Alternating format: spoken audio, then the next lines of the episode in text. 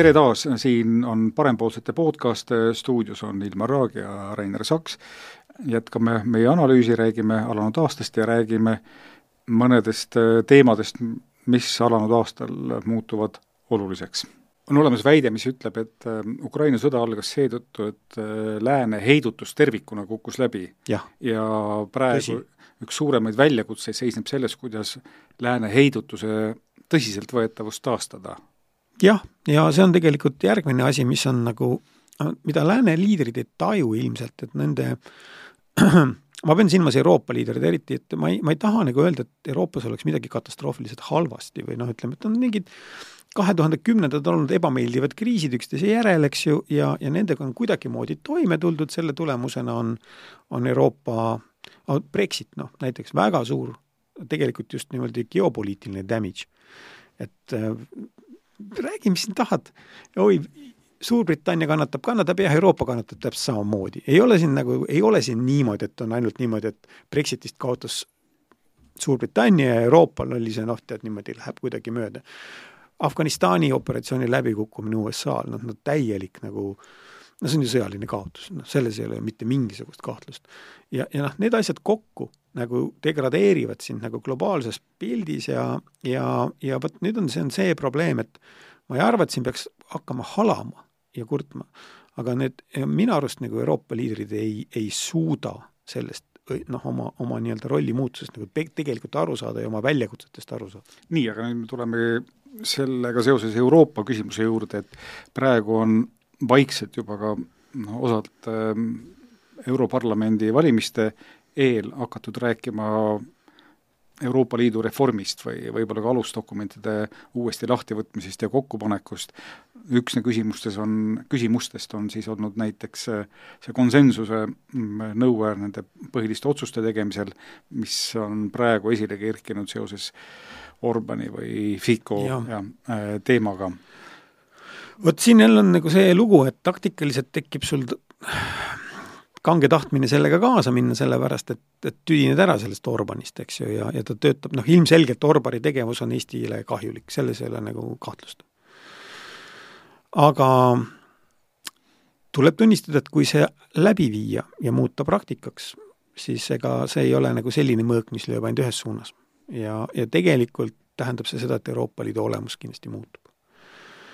Euroopa ei taha ka tunnistada seda, et ähm, kui me mäletame, siis kui me liitusime Euroopa Liiduga äh,, oli see suur, suur Big Bang ja siis seal tulid juurde veel seal mitu riiki veel järg-, selles laines, eks ju, Horvaatia viimane. et äh, siis oli ju Euroopa põhiseaduslikkuse protsess käis, kus nagu üritati seda poliitilist integratsiooni Euroopa Liidus nagu tihendada, on ju. noh, mis oli, tõi kaasa referendumid, on ju, ja see kukkus kolinal läbi ja siis tulid Lissaboni lepped selle lõpuks järgi. tegelikult nüüd takkajärgi nagu tundub, et et sa üldse aru, miks need Euroopa poliitikud seda tegid, et millel üldse see nende veendumus põhines, et millel see, noh, kus see kandepind on, see oma riigis ei ole inimesed sellega nõus, miks teed seda? aga võtame siis niimoodi, et ma olen sinuga täiesti nõus, et et tõenäoliselt on püütud selle eurointegratsiooniga minna kaugemale, kui see elanikkonna ootus on ja ja teisest küljest me näeme, et mõnedes küsimustes aeg-ajalt on vaja, et Euroopa Liit suudaks midagi ka ära otsustada. jah, aga siis on tegelikult see küsimus, et, et kui meil on nagu selge, et see on ühisturg, ühisturu nimel tugevda-, ühisturu tugevdamine, see on noh, enam-vähem arusaadav, eks. noh, seal on ka tohutult palju küsimusi, ei ole niisugune lihtne, see on palju keerulisem teema, võib-olla isegi ka mingid muud asjad, on veel terve hulk asju, mis on harmoniseeritud Euroopa Liidus, mida nagu üritatakse nagu ühiselt ajada aga kui see välis- ja julgeolekupoliitika ei ole harmoniseeritud tegelikult, siis no miks me siis seda lolli mängime? ja vot, vot siin on nüüd tegelikult tõesti see küsimus, kus Euroopa Liidu laienemine, mis ta siis on? ja, ja vot ma ei taha nüüd nagu siin ütleme, viimase, ütleme siis eriti ka need äh, Lähis-Ida sündmused näitavad, et Euroopal ei ole ühist välis- ja julgeolekupoliitikat. Liikmesriigid unustavad selle sel hetkel, kui nad nende peavad võtma koduparlamendist mandaadi, et et millegi nimel hääletada, see ei ole mingisuguste Euroopa ametnike aetav asi. see on liikmesmaade aetav poliitika, mis peab kokku moodustama mingi asja. aga kas siis äh, selguse huvides võiks, võiks üldse ütelda, et meil ei ole seda ühist välispoliitikat isegi väga vaja, sellepärast et kokkuvõttes ma, siin ma nagu jään kõhklema, sellepärast et kui meil seda vaja ei oleks, et kas me siis Ukrainat üldse saaksime toetada sellisel kujul, vist ei saa. no me näeme küll, et mingi strateegiline ühisvisioon peaks siiski olema meil on ju Euroopas väga mitmeid erineval kiirusel liikuvaid mm, ja, võrgustikke, Schengen, euro, euroala ja, ja, ja, ja nii edasi. No, aga aga ees on tulemas asi, mis vaikselt praegu kogub jõudu, on reageerimine Aafrika migratsioonisurvele, millest tundub, et üha enam on mingisugust konsensust saavutat-, saavutatamas. no ma arvan, et siin ongi nüüd nagu, siin on kaks asja, et üks on see, et et on teemad, mis meile meeldivad, ei meeldi noh, sõna otseses mõttes tegelikult. ma noh, mis on meie huvides, mitte huvides, on no, veel isegi natuke teine teema, aga tegelikult me reageerime sellele, kas meeldib, peame oluliseks või ei meeldi ja ei pea seega oluliseks. ja, ja me väga tahaksime, et Euroopa Liidu ühine välis- ja julgeolekupoliitika oleks küsimustes, mis meile meeldivad ja tunduvad olulised ja teistes, mis meile meeldivad, noh, ei peaks olema. aga see ei saa nii olla tähendab, ühine välis- ja julgeolekupoliitika saab olla ainult siis, kui see on kõikides küsimustes ühine. täpselt nagu siin oma riigis. oma riigis on võib-olla veel noh, muidugi seda luksust, Eesti on nii väike, ta ei ole nii globaalse mõjuga, sa võid ignoreerida mingeid küsimusi, noh, mitte osaleda ja ja tegelikult sa praktikas ignoreerid suurt osa küsimusi ja osaled, sul pole lihtsalt ressurssi sa ei suuda panustada. no keegi ei ootagi seda, nagu, aga Euroopa Liit nagu päris nii ei toimi.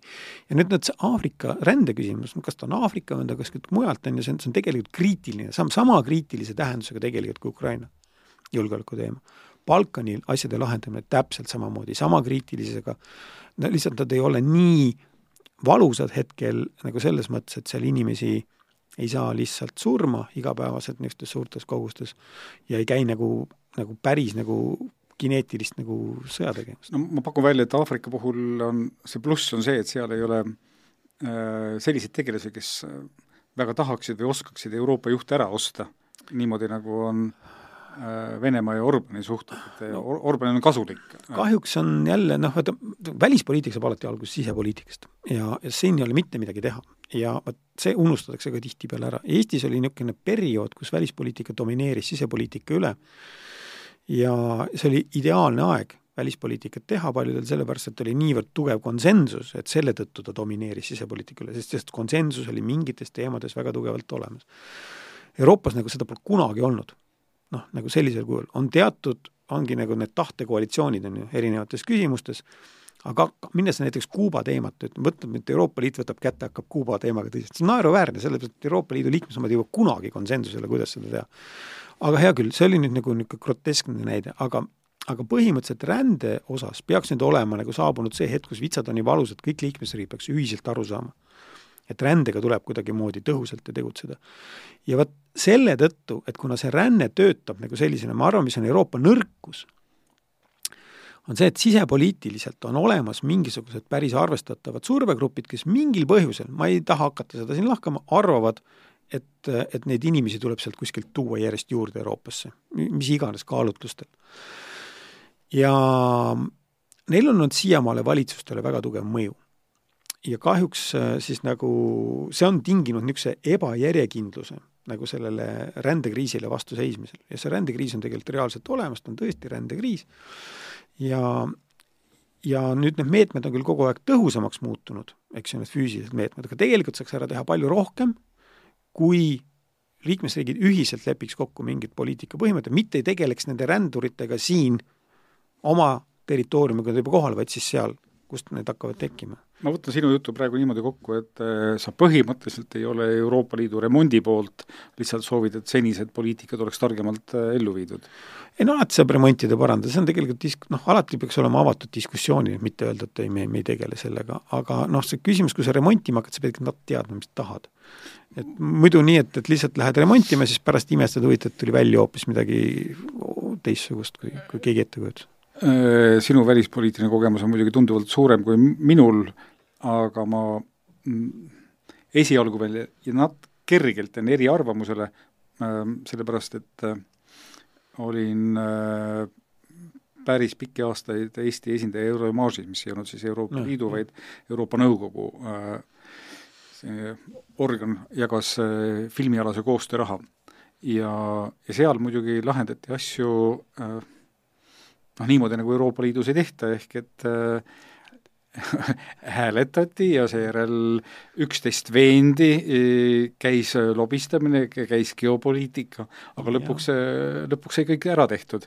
ja oli ka hetki, kus ma pidin möönma, et näed, Eesti film ei saanud raha, sellepärast et meie film ise ei olnud piisavalt hea ja me ei suutnud ka geopoliitikat piisavalt teha. mis sa ütled seda, et, et tegelikult oligi hea, et me ei saanud raha ei noh, kui film raha ei saanud üldjuhul okei okay,, ma jah, seda ikkagi tähendab seda, et ta ta ei suutnud piisavalt ennast kehtestada, mis, mis näitab, et võib-olla ei olnudki vaja. aga äh, mulle kokkuvõttes see äh, see töövorm nagu töötas, sest me saime aru, et me oleme ühe, ühe asja eest väljas ja kui sa ei suuda oma vaatepunkti teistele selgeks teha ja siis jääd sellesse vähemusse, no siis see ongi demokraatia. no vot, siin on näiteks niisugune küsimus, et kui oletagem, võtame niisuguse selle rändega seotud elemendi, nagu on arengukoostöö raha Eesti peaaegu ei panusta. noh, ütleme, noh, summad on väga väikesed, aga, aga noh, SKT-st siin võrdluses isegi panustab. samas meie prioriteet on nendest rände siid-, siideriikides on natukene teises suunas, eks ju, kuigi need riigid on muutunud ka nüüd problemaats-, problemaatiliseks. nüüd küsimus on see, et kas Euroopa, Eestil on õigus siis sellisel juhul kaasa rääkida selle poliitika elluviimisel nii-öelda nagu vetoõigusega, kui ta ei panusta. aga selles suhtes, kui me läheme nagu praktika juurde, siis äh, kui see ei ole lihthäälte elamus, aga mingi kvalifitseeritud või et seal on kaks kolmandikku häältest pead saama või noh, et ütleme, et äh, kui äh, kui seal on ainult kaks või kolm tükki, kes on vastu, et, et nende veto sellisel juhul ei, ei kehtiks, siis no kokkuvõttes ikkagi see nii-öelda demokraatia protsess, kus sa üritad endale leida liitlasi äh, ja nad äh, meelitada selle oma idee poolt hääletama, et et see ikkagi toimiks, et ei ole ainult niimoodi, et kaks suurt riiki sõidavad äh, ükskõik mis kujul teerulliga teistest üle. siin on üldse, kõik on nagu väga vastuoluline, et, et ühtepidi me suurtelt riikidelt ootame nii-öelda liidripositsiooni võtmist ja kiiret edasiliikumist ja siis me ei taha, et nad teistest üle sõidavad, noh kaks asja tegelikult välistavad juba üksteist väga paljuski. siis me peaks ütlema, et aga kas me oleme huvitatud Euroopa Liidu laienemisest et äh, nende potentsiaalselt blokeerivate riikide hulk kasvaks laua taga. et tegelikult nagu peaks nagu ausalt endaga rääkima, nagu selles osas rääkima, et me oleme siiamaani olnud väga, väga ühemõtteliselt Euroopa Liidu laienemise toetajad ja, ja kui vaadata nagu ühisturgu, kõiki niisuguseid elemente, stabiilsuse kasvamist, see võiks olla täiesti normaalne. aga kui me tahame, et konsensus laua taga oleks kõiges, siis see nii päris ei saa käia vist. või on see väga keeruline ja, ja tegelikult ikkagi ma lõpuks jõuan sinna, et mina natukene pelgan seda, kui minnakse nagu niisuguste coalition building'u teed või noh, nagu kvalifitseeritud hääle, häälte enamuse teed, sellepärast et see tähendaks seda, et kui me tahame selles protsessis väga tõhusalt osaleda, siis me peame olema väga tõhusalt igal pool Euroopas kohal. aga meil pole isegi igas pealinnas ja mõnes väga suure pealinnas saatkonda. Te mõtlete, et me, me, et, et, et kui sa vaatad nagu seda Euroopa Liidu kohtumist, tekib niisugune petlik mulje, et see põhiliselt on näiteks seda, kuidas tüübid üksteist patsutavad seal erinevatesse kohtadesse, on ju, käivad ringi seal niimoodi mingid et ja see nagu Stratkomi mõttes ju töötab, see näitab, et no üks suur sõbralik pere. aga niimoodi sa võid mingeid väikseid kübemeid seal arutada, aga sa ei ehita niimoodi koalitsioone. ja sa ei ehita Brüsseli põhiselt koalitsioone. sa pead pealinnadega töötama, otse. ja, ja väikeriigile käib see üle jõu. nii et äh, isegi, kui meil on vaja ühte tahtekoalitsiooni ehitada, mingi no okei okay,, miljon mürsku Ukrainale, hea näide. Väga hea idee käidi välja, hakkas oma elu elama, aga siis oleks pidanud keegi selle üle võtma, võtma nagu selle päris leadership ja selle läbi nii-öelda pressima siis. Eesti ei jõua seda teha, ei suuda. ja ei saa kas juba sellepärast, et me ei saa isegi, vaata, kus on, miks seda näiteks, näiteks meil pole Bulgaarias saatkonda, noh, terves reas riikides on ju meil ikkagi nagu esindus jääb nõrgaks. okei okay., ma, mulle praegu sellest vestlusest siin täiesti piisab sellepärast ma olen alles poolt- ja vastuargumenti iseenda jaoks paika panemas mm. -hmm.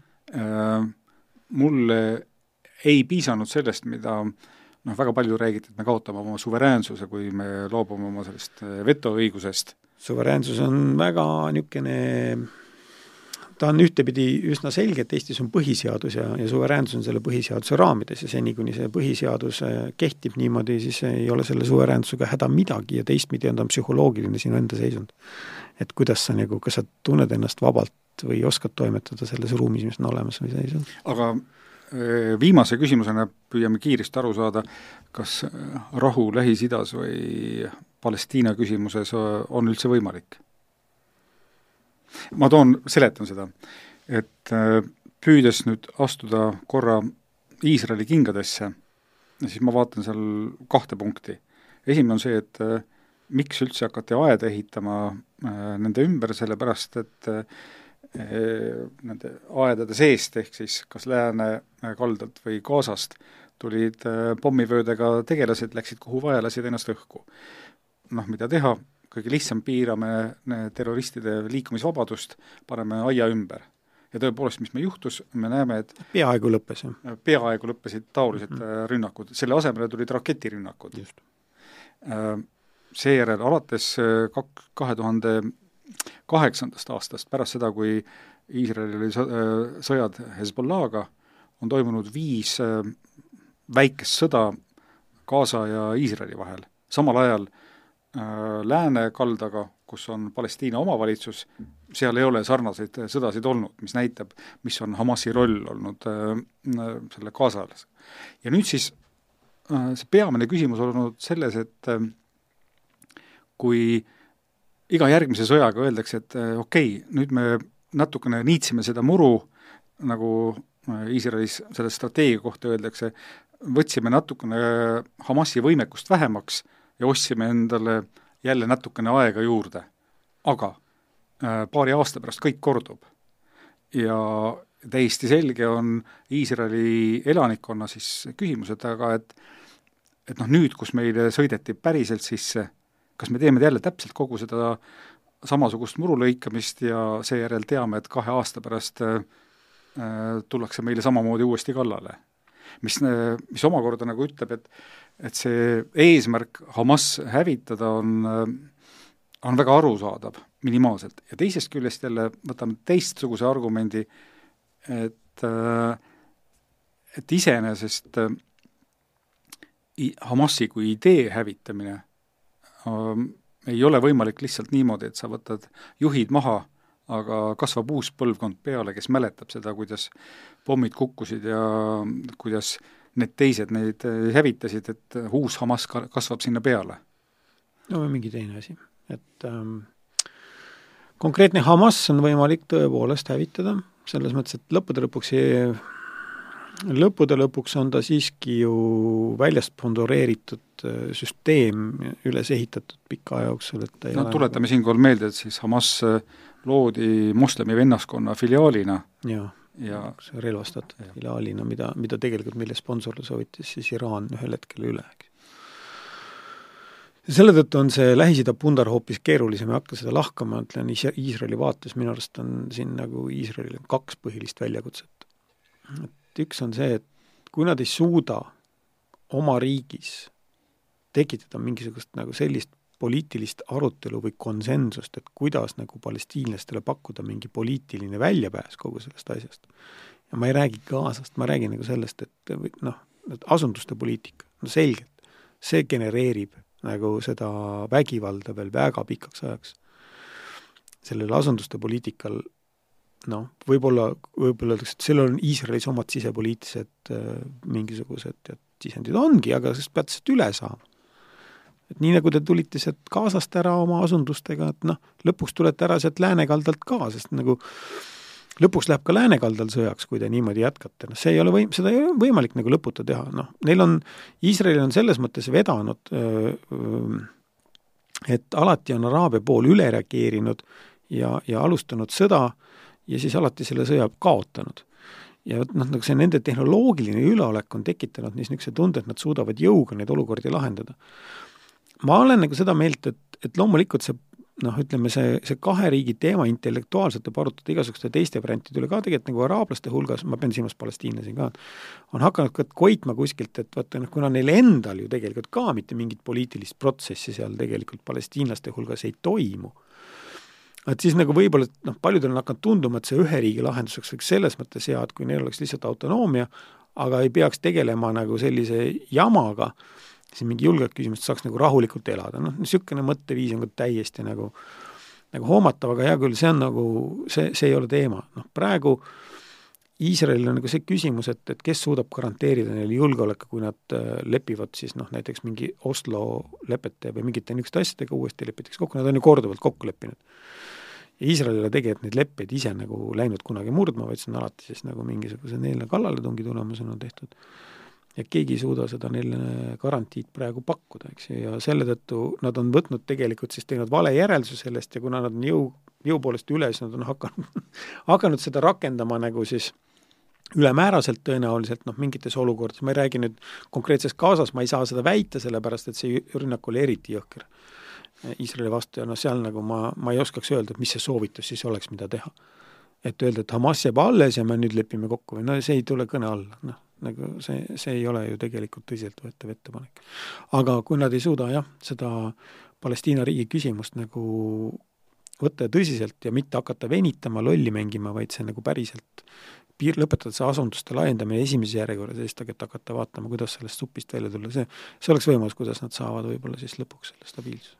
Mm, no ma lisaksin siia siis äh, arusaamise, et nendel on oluline leida selline mm, partner teiselt poolt, kellega on võimalik rahu sõlmida sest Hamasiga just nagu tegelikult ei, ei ole. ei, ja Palestiina pool ongi see probleem, et Palestiina pool ei ole, ei esinda, tähendab, seal ei ole enam sellist nagu jõudu, kes esindaks noh, nii-öelda kogu seda Palestiinat ja kuna seal nagu see sisemine poliitiline protsess puudub, on ju, siis noh, kes suudab, noh, Jordaania kuningas garanteerib seal neid Templimäel, eks ju, seal noh, mingisugused elemente ja keegi teine nagu seal on sees, on mingisuguste oma huvidega, aga, aga noh, nagu sellist nagu selget poolt ei ole, aga Iisrael teeb sellest tavaliselt selle vale järelduse, et kuna kõik taandub mingiks tohutuks taktikamänguks, et siis nagu võetakse Iisraelis ei võidelda ju mitte mitte linnade, vaid ruutmeetrite pärast, eks ju, noh, ükskõik, on seal Ida-Jeruusalemmas või kus iganes, et nad siis kasutavad nagu seda olukorda nagu selleks, et oma seda mõjuala laiendada, no see ei, ei tööta ka lõpmatuseni nii, kuule, me oleme saanud nüüd äh,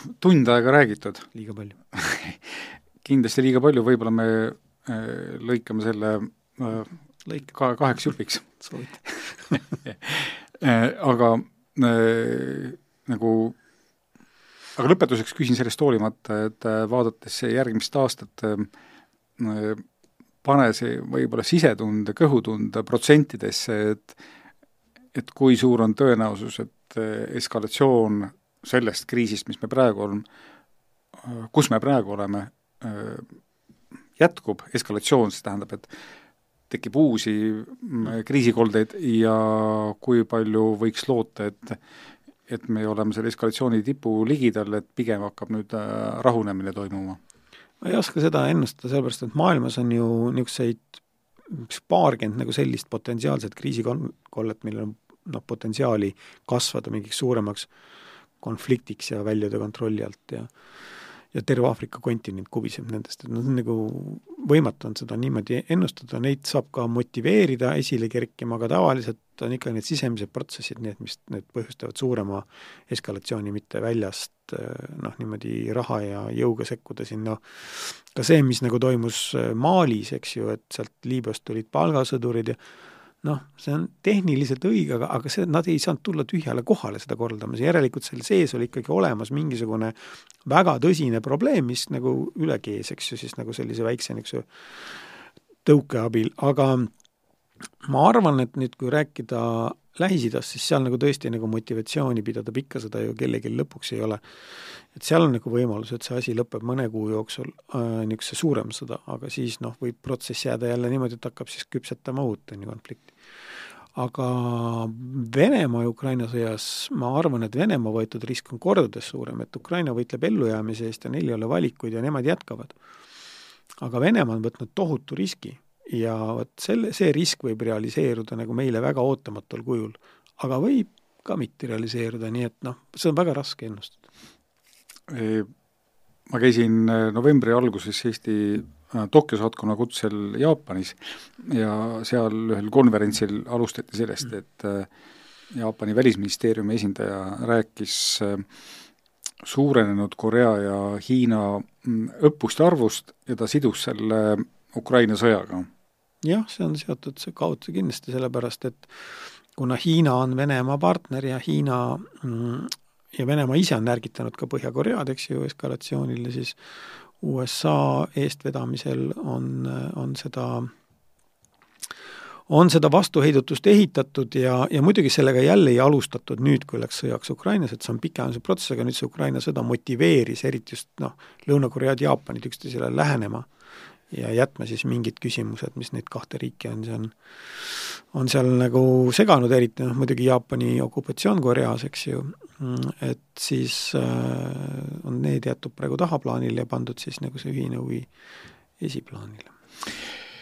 Ma võtan selle nüüd jutu, ma võtan selle jutu meil nüüd niimoodi kokku, et ähm, äh, sa räägid äh, rahuliku analüütiku toonil, mis tähendab seda, et äh, suurt katastroofi sa horisondile ei maali ja samal ajal ka võib-olla sellist väga kiiret õnnelikku lahendust, mida keegi ei usu, samuti ei ole paistmas. seetõttu mm, tänan sind selle vaate eest, see tuletab mulle meelde ühte teist inimest, kes õppis kunagi Ameerikas ja pärast luurekursust rääkis, et äh, väga huvitav, luurajatel on keelatud poliitilisi otsuseid mõjutada. Et ta peab andma võimalikult äh, täieliku olukorra ülevaate, aga ta ei tohi ette ütelda, mida peab tegema. ja natukene ma eh, tajun su jutus nagu samasugust hoiakut, aga aga juba sa oled luuraja staatusest välja tulemas ja ammu tulnud ammu, ammu tulnud juba on selged valikud või hoiakud ka ilmnenud. igal juhul soovin sulle nüüd head alanud aastat! aitäh ja kõigile teistele ka head alanud aastat!